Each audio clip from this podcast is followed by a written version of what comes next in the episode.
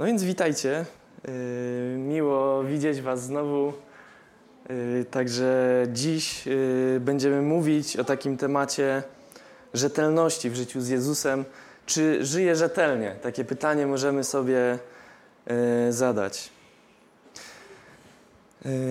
Kiedy tak się zastanawiałem, co zwykle jest kojarzone najpierw nie z rzetelnością, ale generalnie zacznę może z innej strony, ale ze szczęściem. Co zwykle kojarzone jest ze szczęściem, co można potraktować jako taki powód życiowego spełnienia, to tu do głowy przychodzą mi takie kwestie jak y, może miłość, przyjaźń, zdrowie, może jakieś wymarzone stanowisko w pracy. Y, być może ktoś wymieniłby tu pieniądze, dom, mieszkanie, jakiś domek w górach, komu by się nie marzył. Y, pewnie wielu wskazałoby na wygraną na, na jednej z loterii może spadek od wujka z Ameryki. Może ktoś, y, dziś mamy ostatni dzień olimpiady, ktoś może wymieniłby medal na właśnie takiej sportowej imprezie. Zastanowiłem się i pomyślałem, co sądzą na ten temat naukowcy i sprawdziłem y, takie jedno z badań, które mm, badało y, subiektywne odczucie szczęścia u ludzi w wieku między 15 a 29 lat. I na podstawie tych uzyskanych odpowiedzi y, stwierdzono, że między takim subiektywnym poziomem odczuwanego szczęścia a płcią, statusem materialnym czy poziomem wyedukowania nie ma ścisłej zależności. Zatem pieniądze, sukces, status społeczny to tu nie zawsze możemy postawić znak równości. To, że zarabiam więcej niż ktoś inny, albo że czuję, że mój status jest lepszy niż od kogoś innego, to nie znaczy, że jestem człowiekiem szczęśliwym. Mogę sobie też y, zadać w związku z tym pytanie, co zatem jest takim kluczem do uzyskania szczęścia, skoro nie te wszystkie rzeczy, o których myślę, że podświadomie myślimy, które podświadomie uważamy za rzeczy dające nam szczęście, Skoro to wszystko tak naprawdę, kiedy zapytano się ludzi, okazało się, że ludzie twierdzą, że to nie daje im szczęścia, to co, co jest tym kluczem? Jestem głęboko przekonany, że większość z osób, które napotkalibyśmy na ulicy, które mamy w gronie swoich znajomych, które mamy w rodzinie, wśród y, takich potencjalnych czynników, które miałyby doprowadzić człowieka do wyższego subiektywnego odczucia szczęścia, tak jak to padło w tym badaniu, na pewno nie wymieniłoby takich sytuacji jak stan głodu, stan ubóstwa, y, stan znienawidzenia przez społeczeństwo, bycia obrażanym, bycia porzuconym.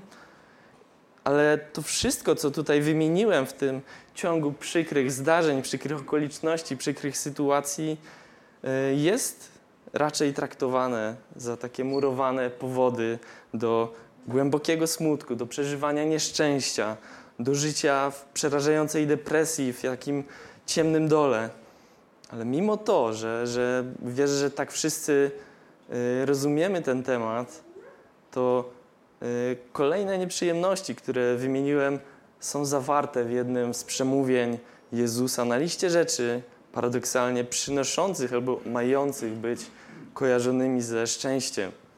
Ta Boża perspektywa, nie tylko w tym miejscu, ale kiedy przejdziemy przez różne miejsca Słowa Bożego, jest zdecydowanie inna i zdecydowanie zaskakująca w porównaniu do tego, co byśmy sami wymyślili.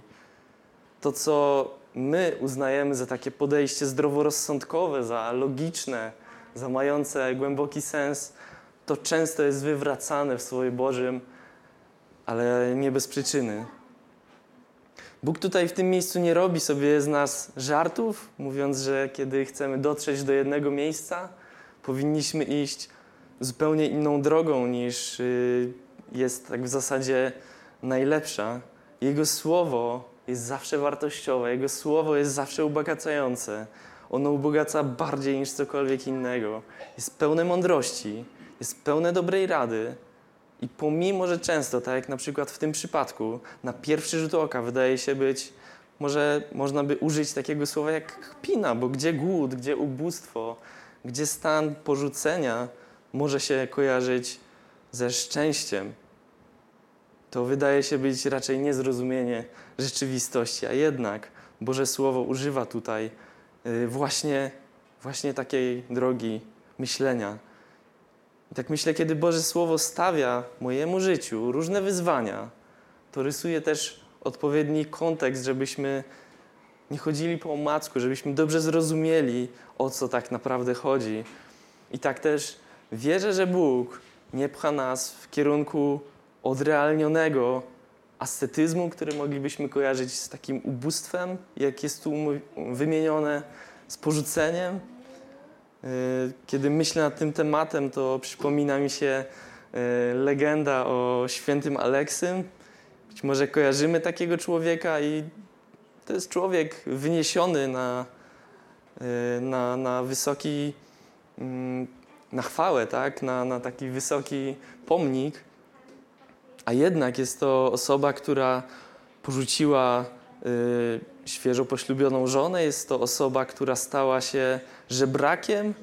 I tak myślę, czy taka osoba ma być dla mnie autorytetem, dlatego że porzuciła wszystko, co y, uważała za szczęśliwe. Czy nie jest to raczej przykład takiej skrajnej nieodpowiedzialności i, i tego, jak nie powinno wyglądać rzetelne życie sługi Bożego?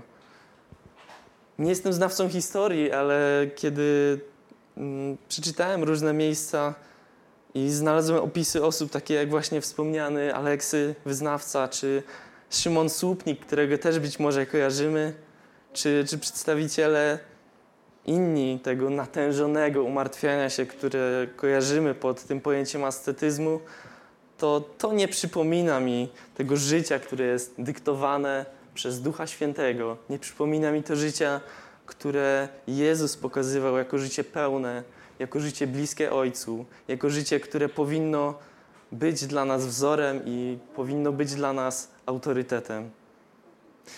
W Ewangelii Mateusza w piątym rozdziale od 10 do 12 wersetu możemy przeczytać takie słowa. Szczęśliwi prześladowani z powodu sprawiedliwości, gdyż ich jest Królestwo Niebios. Szczęśliwi jesteście, gdy was będą znieważać i prześladować i kłamliwie przypisywać wam wszelkie zło ze względu na mnie. Cieszcie się i weselcie, gdyż wielka jest wasza nagroda w niebiosach. Tak bowiem prześladowali proroków, którzy byli przed wami. Szczęśliwi prześladowani. Czy wam się to nie gryzie?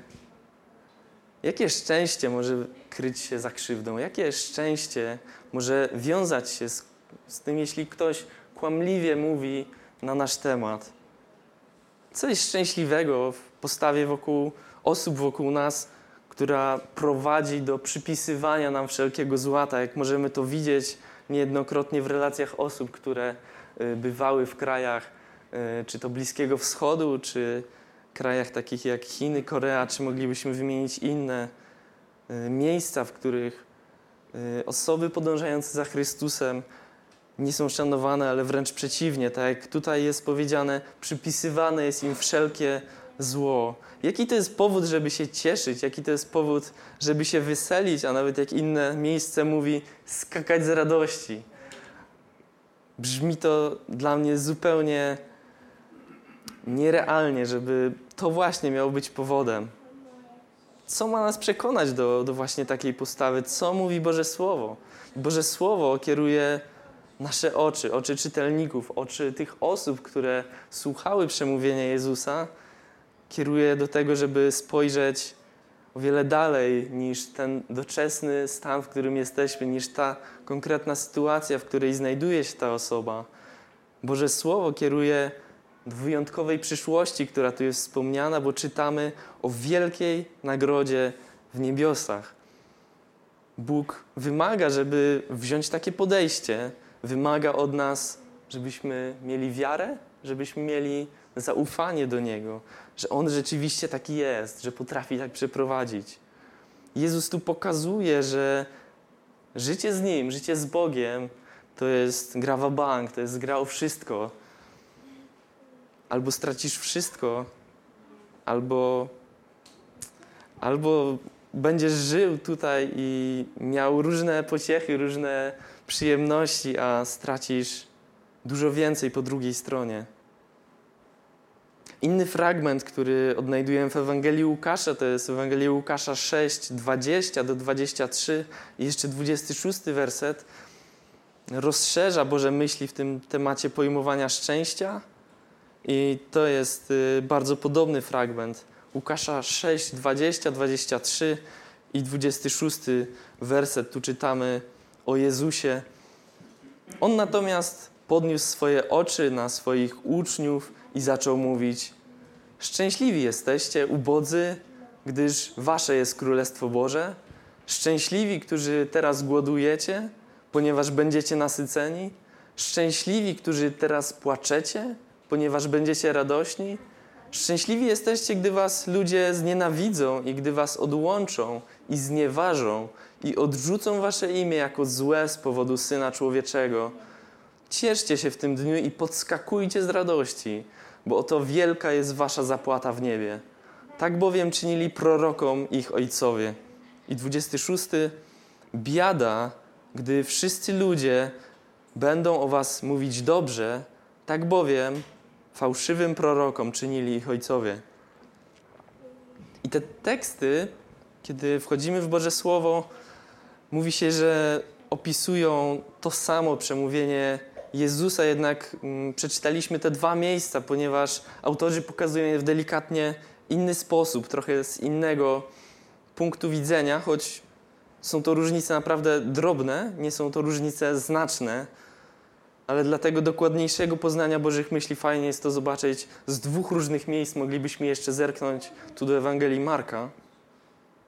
To co, to, co jest tu przede wszystkim warte podkreślenia, to, co jest jasne wskazane na samym początku, widzimy tutaj, to są adresaci. Czytamy na początku, że Jezus podniósł swoje oczy na swoich uczniów i zaczął mówić. Tak więc tu adresatami są uczniowie Pana y, Jezusa, więc jeśli chcemy rozważyć tą treść, którą Bóg tutaj przekazuje w tym fragmencie, to wiesz, że najpierw powinniśmy podjąć taką decyzję o tym, żeby podążać za Jezusem. Najpierw powinniśmy mieć w swoim życiu taką jasną deklarację: chcę iść za Jezusem, chcę być uczniem Jezusa, i wtedy to są słowa, które są kierowane właśnie do Ciebie. Widzimy tutaj, że podążanie za Chrystusem przynosi rozliczne niewygody, które tu zostały opisane, wspomniane właśnie w tym fragmencie. Chrystus podkreśla, że szczęśliwi są ci, którzy doświadczają tych różnych nieprzyjemności. Osoby te czeka zapłata w niebie.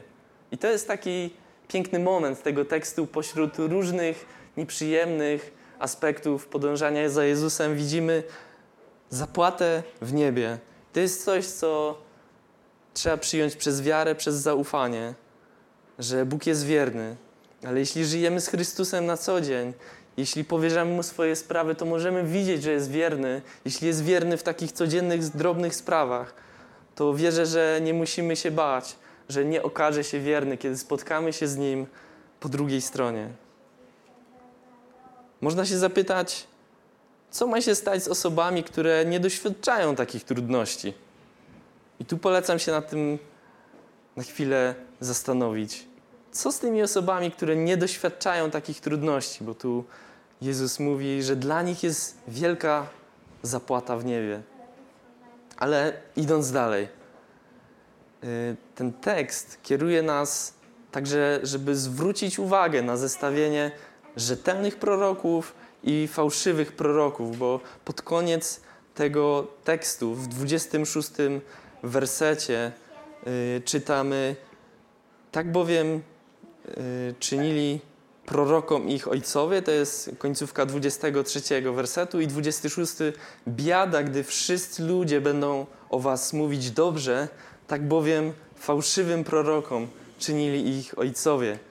Tak więc widzimy tutaj, że autor pokazuje zestawienie dwóch różnych proroków taki czarno-biały sposób. Proroków, którzy byli rzetelni dla Boga i proroków, których określono mianem fałszywych.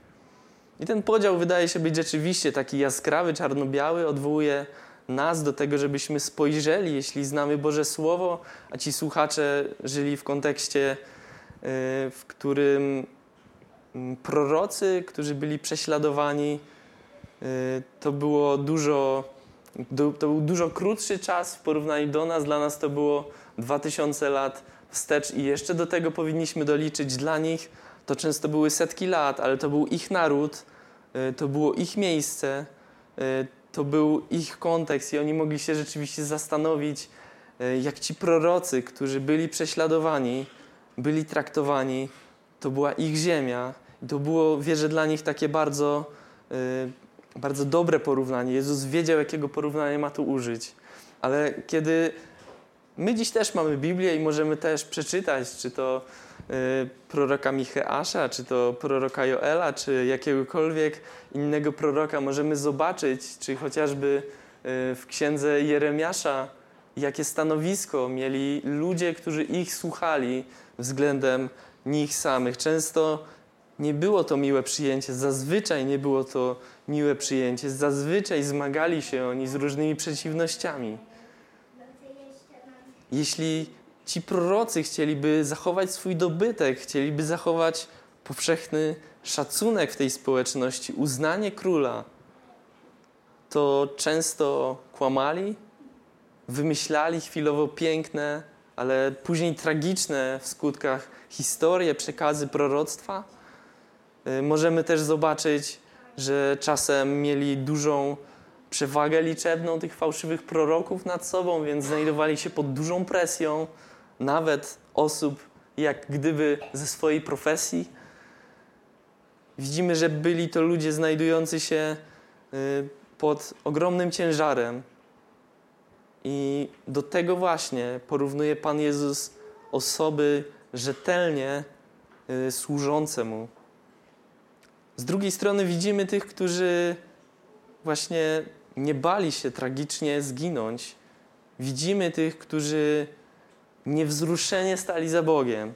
Widzimy tych, którzy w taki w tym czasie niemodny sposób trwali bez zmiany zdania, szli na Bożą chwałę i tak szczególnie w tej chwili duchowej niepogody nie patrzyli na korzyści finansowe, bo jeden z proroków wspomina o tym, że inni prorocy, czerpiąc korzyści finansowe, mówią to, co y, osoby płacące chciałyby usłyszeć ale niektórzy stali mocno.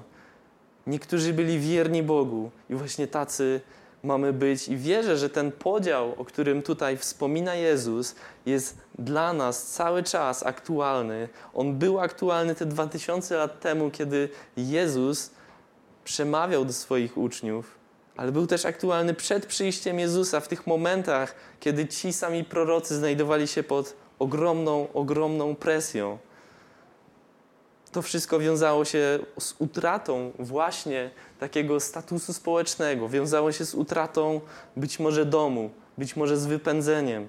To wiązało się z utratą jakichkolwiek pieniędzy albo źródła utrzymania, jakkolwiek było to rozliczane. Tak więc ten temat tego jaskrawego, kontrastującego porównania y, jest, wierzę, dla nas ważny i rozwija się też w innych miejscach Słowa Bożego.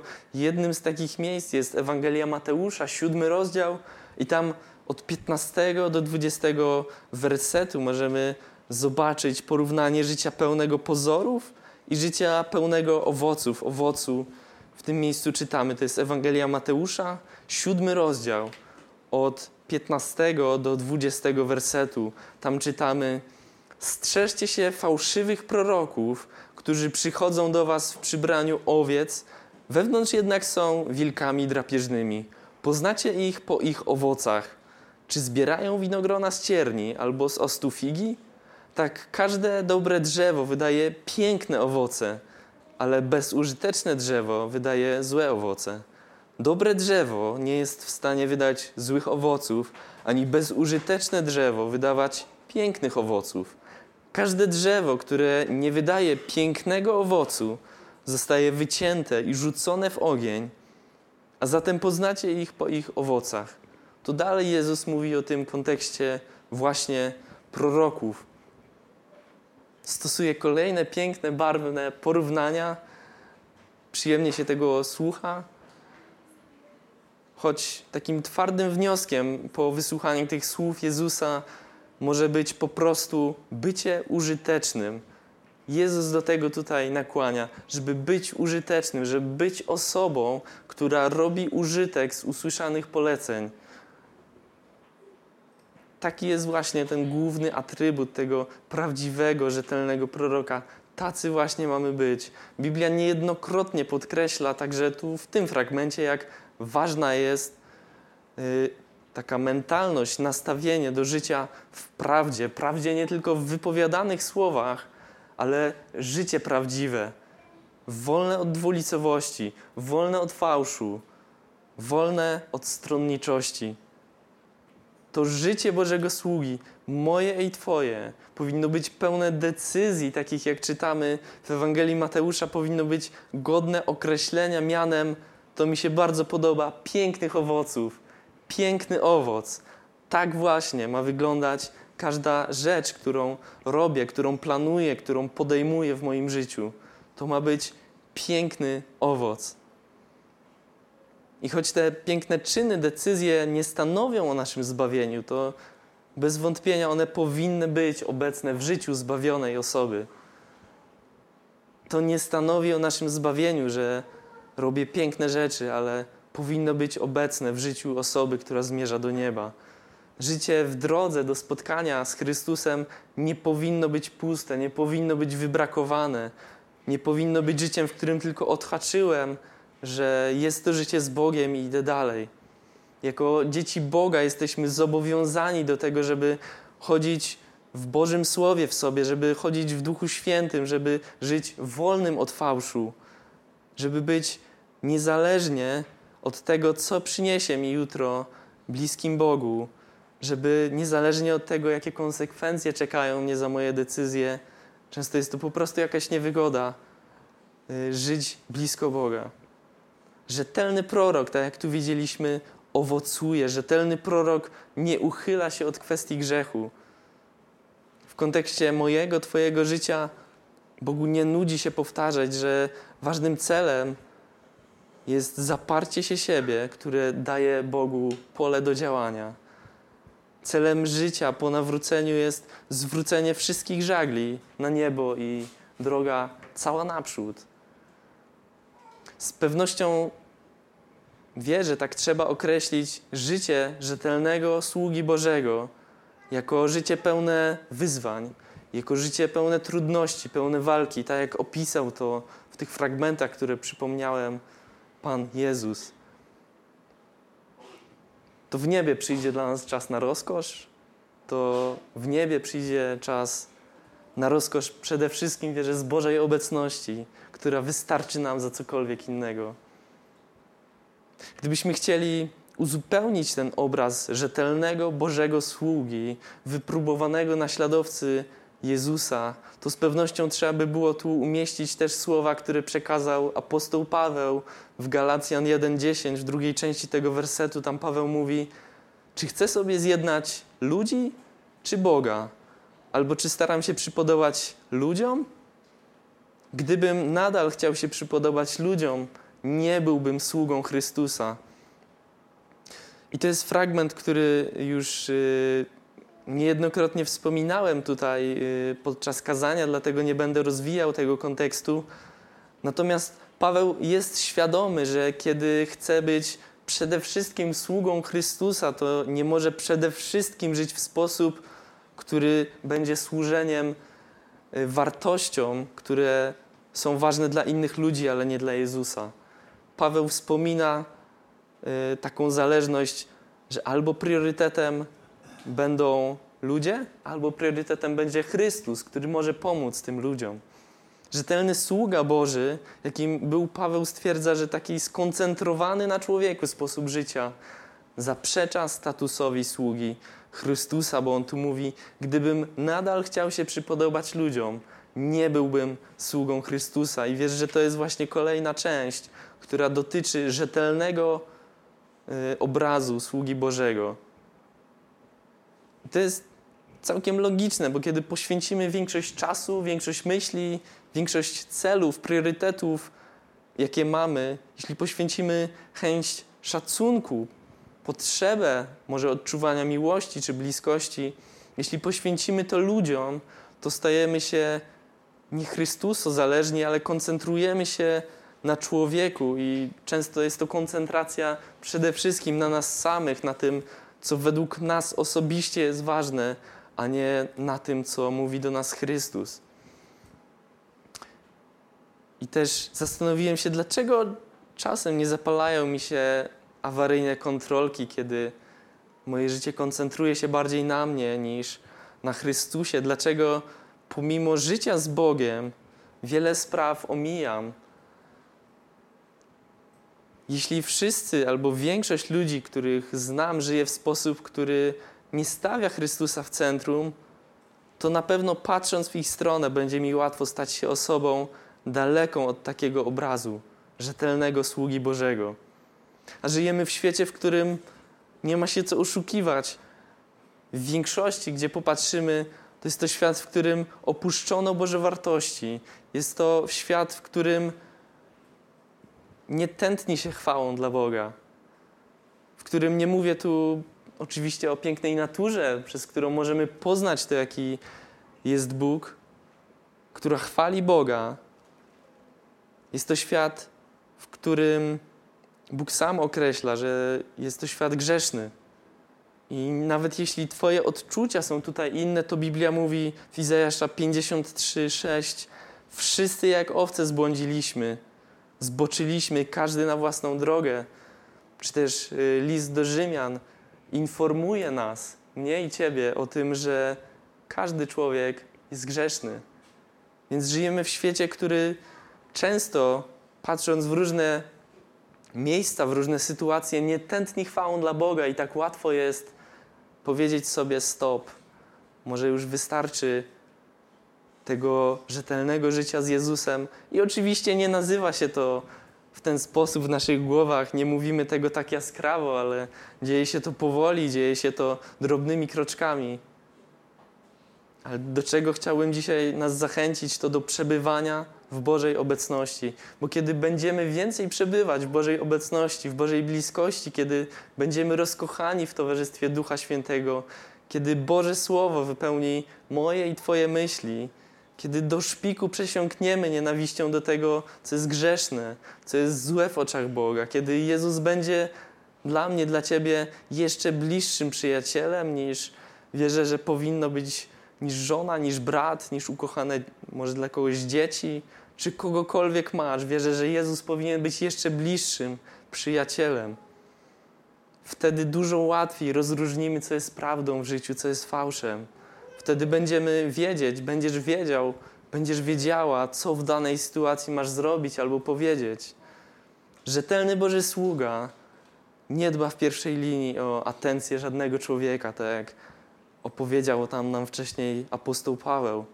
Rzetelny Boży sługa nie dba w pierwszej kolejności o atencję znajomych, bliskich, nie żyje, żeby się wstrzelić w czyjeś ideały, liczy się Jezus. Widzimy z tego obrazu, że mamy owocować, nawet jeśli miałyby ucierpieć nasze bliskie relacje. Ostatecznie, ja bym tu jednak podkreślił, że celem nie jest to, żebyśmy zrobili sobie wrogów gdziekolwiek pójdziemy. Celem nie jest to, żeby e, poróżnić się z naszymi bliskimi, ale celem jest to, żeby być wiernym Chrystusowi, pomimo to, co się w życiu może wydarzyć. Celem życia w Jezusie jest robienie praktycznego pożytku z usłyszanego Bożego Słowa. Takie kolejne miejsce, Ewangelia Łukasza, 14 rozdział, 25 do 27, mówi nam y, coś takiego. To jest Ewangelia Łukasza 14, 25 do 27. Tu możemy przeczytać, jakie priorytety miał Jezus. Gdy zaś szły za nim liczne tłumy, obrócił się i powiedział do nich: Jeśli ktoś przychodzi do mnie, a nie ma w nienawiści swojego ojca, matki, żony, dzieci, braci i sióstr, a także swojej duszy, nie jest w stanie być moim uczniem. Kto nie dźwiga swojego krzyża, a idzie za mną, nie jest w stanie być moim uczniem. Nie jest w stanie.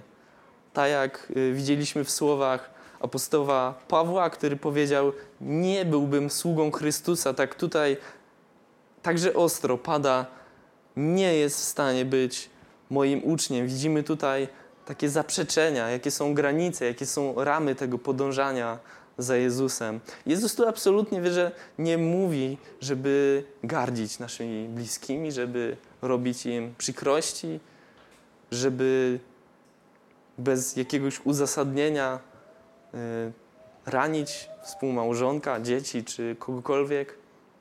Jezus mówi, żeby trzymać Boże zdanie.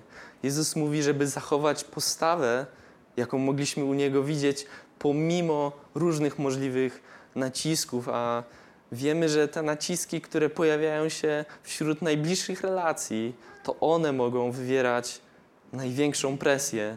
Niejednokrotnie taką presję, którą, której ugniemy się, ponieważ jest to tak bliska relacja, ponieważ jest to tak zażyła więź.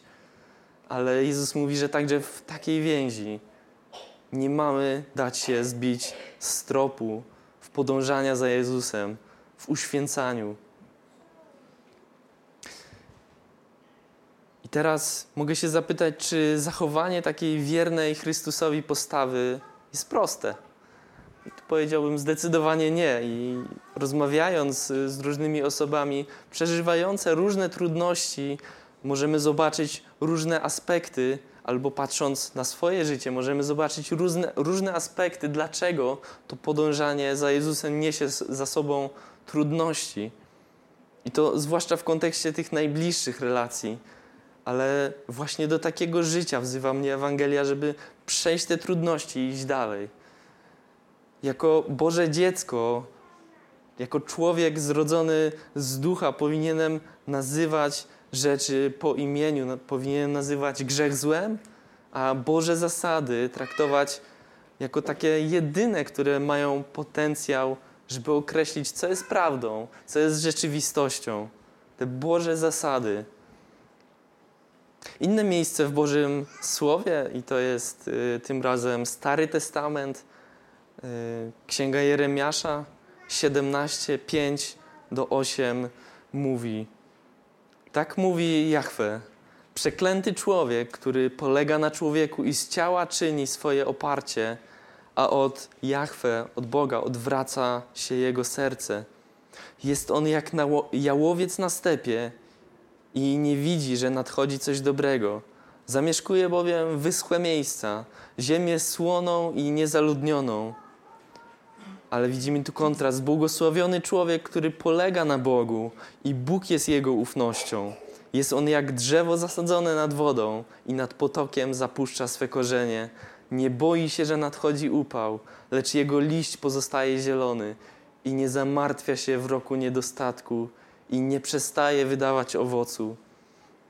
Widzimy tu, jak spójna jest Biblia w tym, jaki jest cel chodzenia z Bogiem. Widzimy tu cały czas to wydawanie owocu pomimo różnych trudności. Nie wydawanie owocu, kiedy wszędzie jest łatwo. Nie wydawanie owocu, kiedy wszędzie, gdziekolwiek to drzewo z porównania by się nie udało, tam jest potok, może się zakorzenić, ale wydawanie owocu pomimo tego okresu suszy, w tym właśnie czasie, paradoksalnie, my jako Boże dzieci mamy wydawać owoc. I tu znowu Bóg nie kpi sobie z nas, ale mówi, że nawet w tym okresie suszy jest miejsce, w którym możesz się napełnić, w którym możesz się naładować. Mamy Boże Słowo, możemy spędzać czas w towarzystwie Boga, w towarzystwie Ducha Świętego, napełniać się tym, co On ma do nas, konkretnie do nas do powiedzenia i możemy wydawać owoc, możemy robić pożytek z tego, co usłyszeliśmy. Widzimy, że Bóg kładł uwagę na odpowiedni porządek w priorytetach relacji człowieka z nim samym albo człowieka z innymi ludźmi, ponieważ opieranie się, ufanie drugiemu człowiekowi, kiedy stajemy okoniem, jesteśmy w drugą stronę do tego, co proponuje nam Bóg, kiedy y, zrywamy te relacje z Bogiem po to, żeby zrealizować coś, co my sami uznajemy za dobre, albo ktoś inny nam proponuje, to widzimy, że w tej chwili posłuchy nie będziemy mieli skąd zaczerpać. I to jest takie piękne, barwne porównanie, ale tak ufam, że już nie raz mogliśmy zobaczyć, że kiedy postawiliśmy na te Boże propozycje, to Bóg nam pomógł w jakiś dziwny, cudowny sposób, ale przeszliśmy przez te różne sytuacje. Przez usta proroka Jeremiasza otrzymujemy tę sugestię, żeby przedkładać relacje z Bogiem ponad wszelkie ludzkie połączenia, ponad wszelkie zażyłości, jakie mamy. I tu Boże poselstwo jest niezmienne, co Bóg mówił y, lata przed przyjściem Chrystusa. To, co Chrystus przekazywał do swoich uczniów, to też wierzę jest dalej w Bożym sercu wobec nas, że powinniśmy przynosić owoce, nawet w tym czasie posłuchy. Ale my mamy źródło, my mamy z czego naczerpać. I wiesz, że ten przekaz y, nie znacza, nie oznacza, przekaz z Jeremiasza, że mamy mieć kompletny brak zaufania względem każdego człowieka, który nas otacza. Raczej niezależnie od przeżywanych okoliczności, musimy, mamy być świadomi ludzkiej słabości, ludzkiej niewystarczalności w porównaniu z tym, jakiego mamy Boga. W porównaniu z tym, jak nieskończony jest ten, który proponuje nam wsparcie w tych różnych trudnościach. Możemy powiedzieć, że On jest nie do złamania. Tego nie możemy powiedzieć o nas samych albo o drugim człowieku. I kiedy tak przechodzimy przez te różne fragmenty Słowa Bożego, to być może zauważyliśmy już, że ważnym elementem życia w Chrystusie nie są te wszystkie przykre okoliczności, które na początku kazania tak, tak jasno zostały powiedziane, że celem jest raczej rzetelne trwanie w przynoszeniu owocu. Bogu nie zależy, byśmy przeżywali cierpienie dla cierpienia, co w rezultacie miałoby nas doprowadzić do szczęścia. Wiesz, że Bogu nie zależy na tym, żebyśmy cierpieli i to samo cierpienie miałoby nas uszczęśliwić. Biblia w całej rozciągłości mówi o wierności wobec Boga, nawet jeśli grozi to taką utratą czegoś, co uznajemy za cenne. Bóg niezmiennie podkreśla, że mamy przynosić owoc, że mamy robić użytek z tego, co słyszymy, i czasem może to skutkować jakimś cierpieniem, ale to cierpienie wie, że nie jest celem, choć często jest w Bożym ręku ważnym narzędziem. Możemy zrobić sobie taki test. Ja zadam kilka pytań, do których wierzę, że kieruje nas y, rozważanie Bożego Słowa, do których kieruje nas y, to przesłanie płynące z Biblii. Mogę się zapytać, czy jestem wierny, wierna, wytrwały, wytrwała w tym, na co Bóg kładzie mi na sercu? Czy idę dalej? Czy trzymam Boże zdanie pomimo nacisków i to nacisków nawet ze strony osób dla mnie bliskich, dla mnie ważnych? Mogę się też zapytać, jak wyglądają moje relacje z ludźmi, kiedy, od kiedy żyję w Chrystusie? Jak przynależność do ciała Chrystusa, do Kościoła, do Bożej rodziny zmieniła mnie, jak ona zmieniła moje kontakty i interakcje z ludźmi jak Jezus spoglądał na kwestię prowadzenia relacji międzyludzkich i czy ja układam moje priorytety w relacjach właśnie w ten sam sposób, co On. Mogę się też zapytać, co było nadrzędnym punktem odniesienia Jezusa w każdej sprawie, a co jest moim. Według czego Jezus porządkował plany i relacje jako ważne, a według jakiego schematu ja je porządkuję jak to wygląda w moim życiu. Mam jeszcze kilka pytań. Z kim Jezus spotykał się, żeby się duchowo odświeżyć, a z kim ja to robię, żeby nabrać energii do życia? Czy dla Jezusa spotkanie z uczniami było miejscem, w którym on ładował swoje duchowe akumulatory, czy raczej kiedy spotykał się z uczniami, to czy nie czasem inwestował w nich? jak ja postrzegam relacje, które mam w swojej społeczności, w kościele?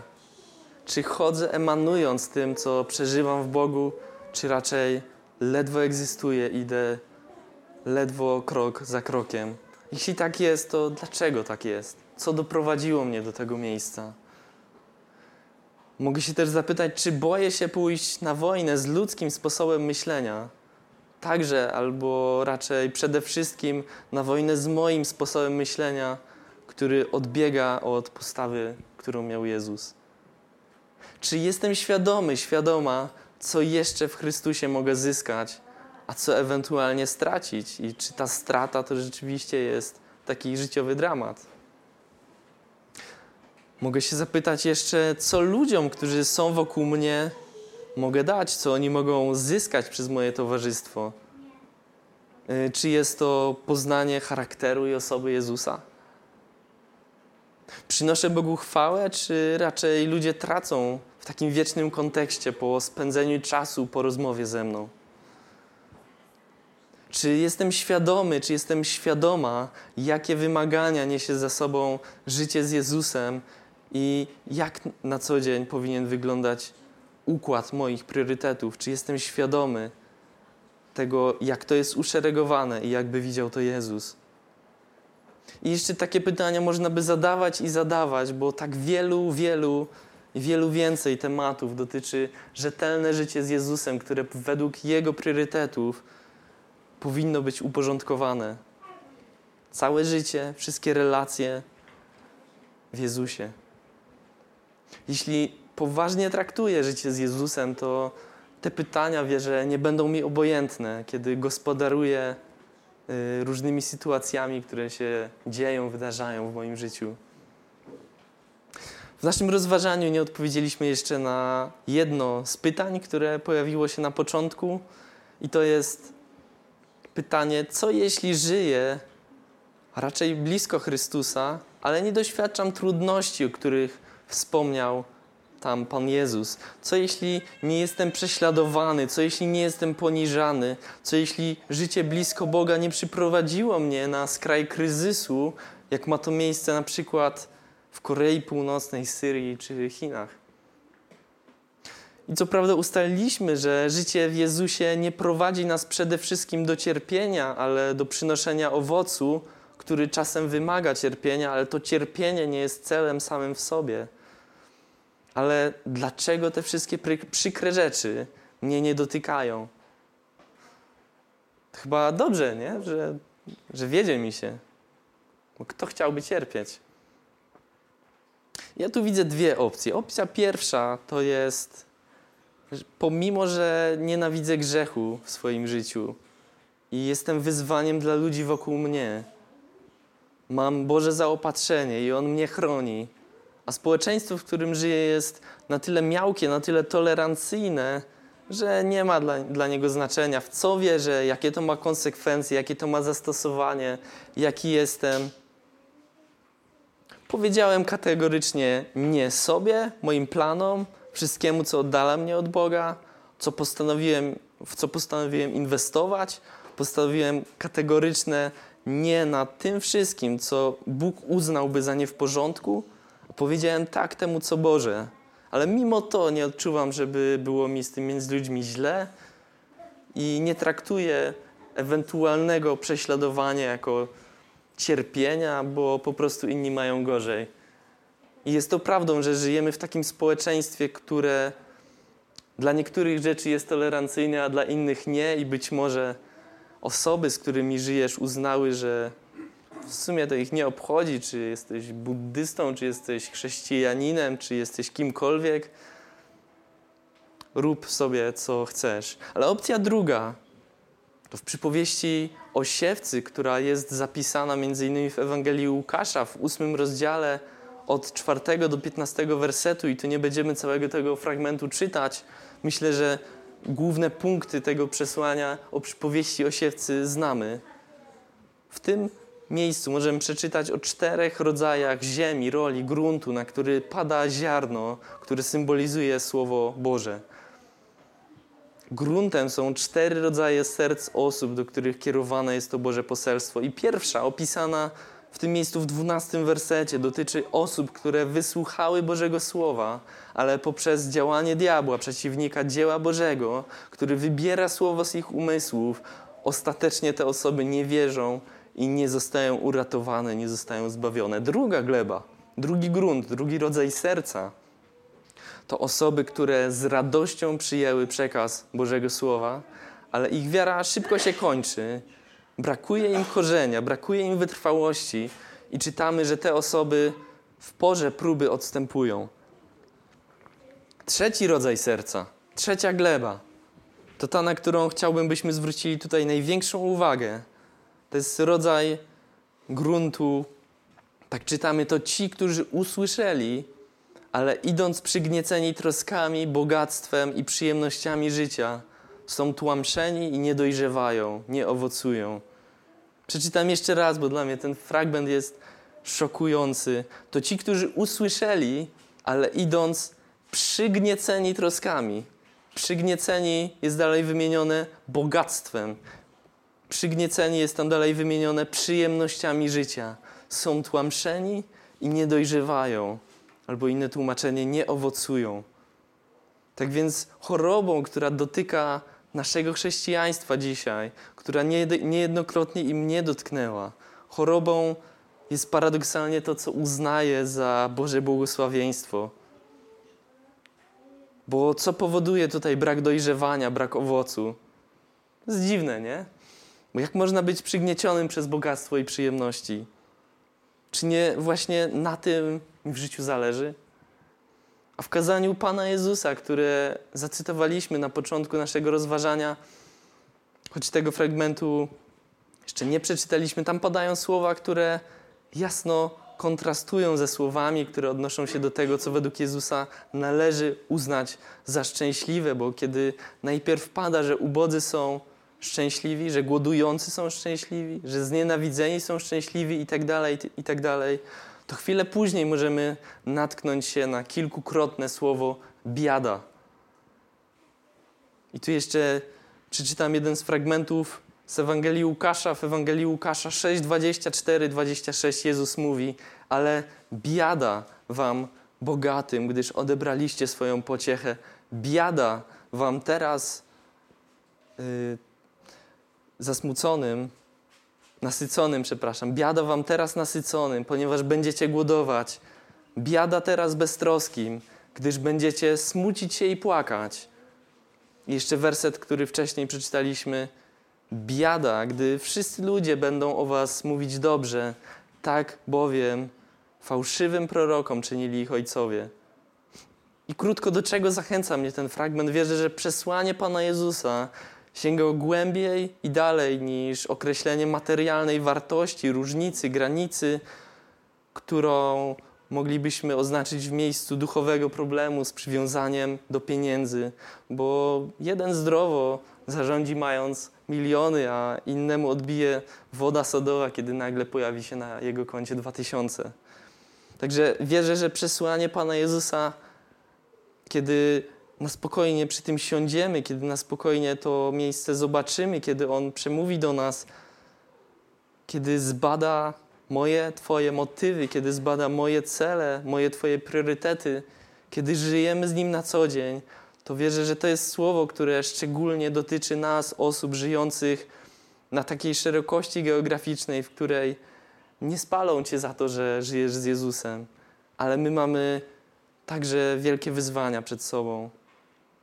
Wnioskiem, który z pewnością możemy wyciągnąć, jest fakt, że żyjąc w mało brutalnym świecie, który nie wymaga decyzji, które ważą o życiu lub śmierci, stoimy w polu zagrożenia takiego nieoczywistego i w pewien sposób zaskakującego.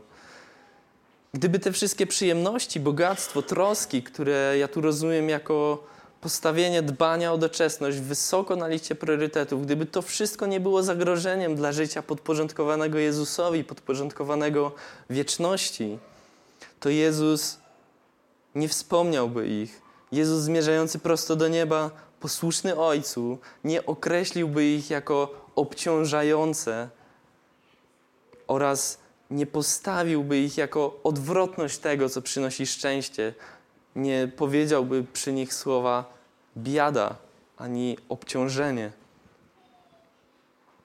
To słowo biada w znaczeniu jest totalną odwrotnością wobec tego, co zamierzył dla mnie i dla Ciebie Bóg. Biada, jeśli moje i Twoje priorytety kręcą się wokół mnie samego, wokół Ciebie samego.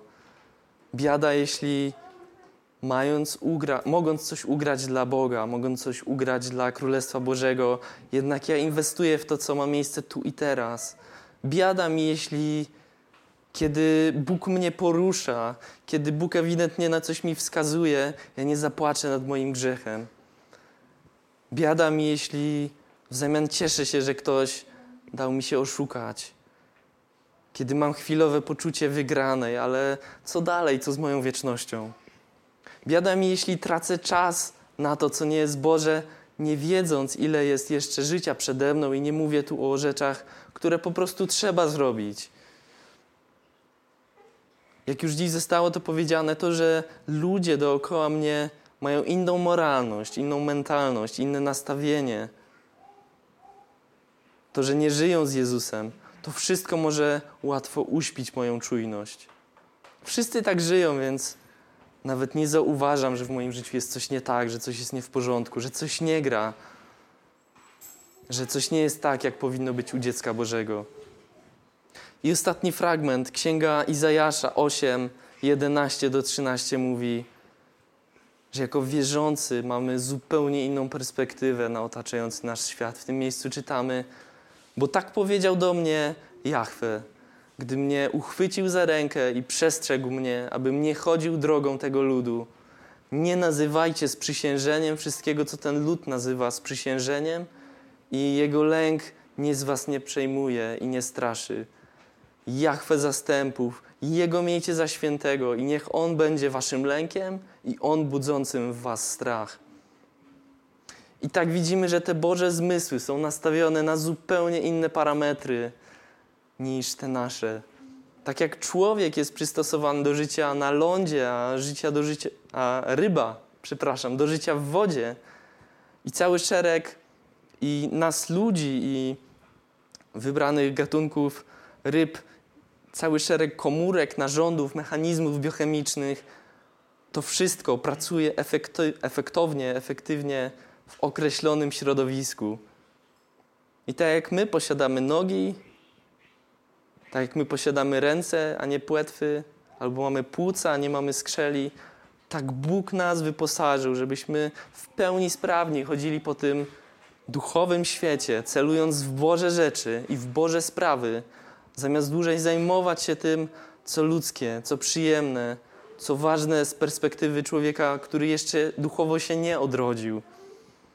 Podsumowując, drodzy, żyjmy rzetelnie, żyjmy naśladując Chrystusa, którego możemy uznać za osobę z pewnością o właściwych priorytetach, który miał priorytety zorientowane w kontekście nieba, którego możemy uznać za rzeczywiście błogosławionego i szczęśliwego, pomimo tego, jak wyglądało jego życie i można by powiedzieć, willi z basenem nie miał. Wielkiej firmy nie posiadał. Nie jeździł najlepszym y, Mustangiem, jakiego można dostać. Ale kiedy poszedł do Ojca, kiedy znalazł się w niebie, to Jego chwała i to miejsce z pewnością zrekompensowało mu cały czas, jaki y, na ludzki sposób myślenia można powiedzieć, że stracił, będąc tu na ziemi. Ale w Bożej perspektywie to jest najlepsze, co mógł zrobić. To był człowiek i Bóg jednocześnie, który nie kochał ani cierpienia, ani życia opływającego w przyjemności, ale to, co przede wszystkim kochał, to było posłuszeństwo Ojcu, odbywające się niezależnie od tego, co to posłuszeństwo ze sobą przynosiło. Jezus na każdym kroku żył owocując. Jezus nie mówił jednego, a podczas gdy ktoś za chwilę by go obserwował, to zobaczyłby zachowanie świadczące o tym, że jego słowa nie są nic warte, że jest dwulicowy. Rzetelność, uświęcenie prowadzi nas do tego, że pokochamy Boże decyzje, do tego, że przyjmiemy je z radością. Nie dlatego, że na pierwszy rzut oka wyglądają pięknie, ale dlatego, że wiemy, co Bóg przynosi, kiedy Mu zaufamy. Rzetelność w drodze do nieba została dziś też ukazana w obrazie proroka, który nie boi się stać mocno przy Bożym zdaniu, który pomimo śmiertelnych zagrożeń, a z drugiej strony umiejący powiedzieć jednoznacznie nie konsumpcyjnemu stylowi życia, który jasno idzie za Bogiem, żeby o ile można przynieść Bogu jeszcze trochę więcej chwały. Rzetelność w drodze za Jezusem prowadzi do szczęścia, ale nie szczęścia ulotnego, które jest szczęściem na chwilę, którą można nabyć, którą można dostać za pieniądze, ale rzetelność w życiu z Jezusem prowadzi nas do szczęścia wiecznego, do szczęścia bez końca, do tego, co jest nieskończenie lepsze, kiedy matematycznie byśmy porównali okres życia na ziemi i wieczność z Bogiem. Bóg wie, czego nam potrzeba i co nam wyjdzie na dobre, ale żeby zrozumieć, co On ma na myśli, trzeba spojrzeć z Jego innej, wiecznej, niebieskiej perspektywy. Drodzy, żyjmy rzetelnie. Naśladujmy Jezusa, wydawajmy owoc i patrzmy na życie w kontekście i w świadomości tego, że już niedługo, blisko spotkamy się z Bogiem. Zostańcie z Jezusem. Amen.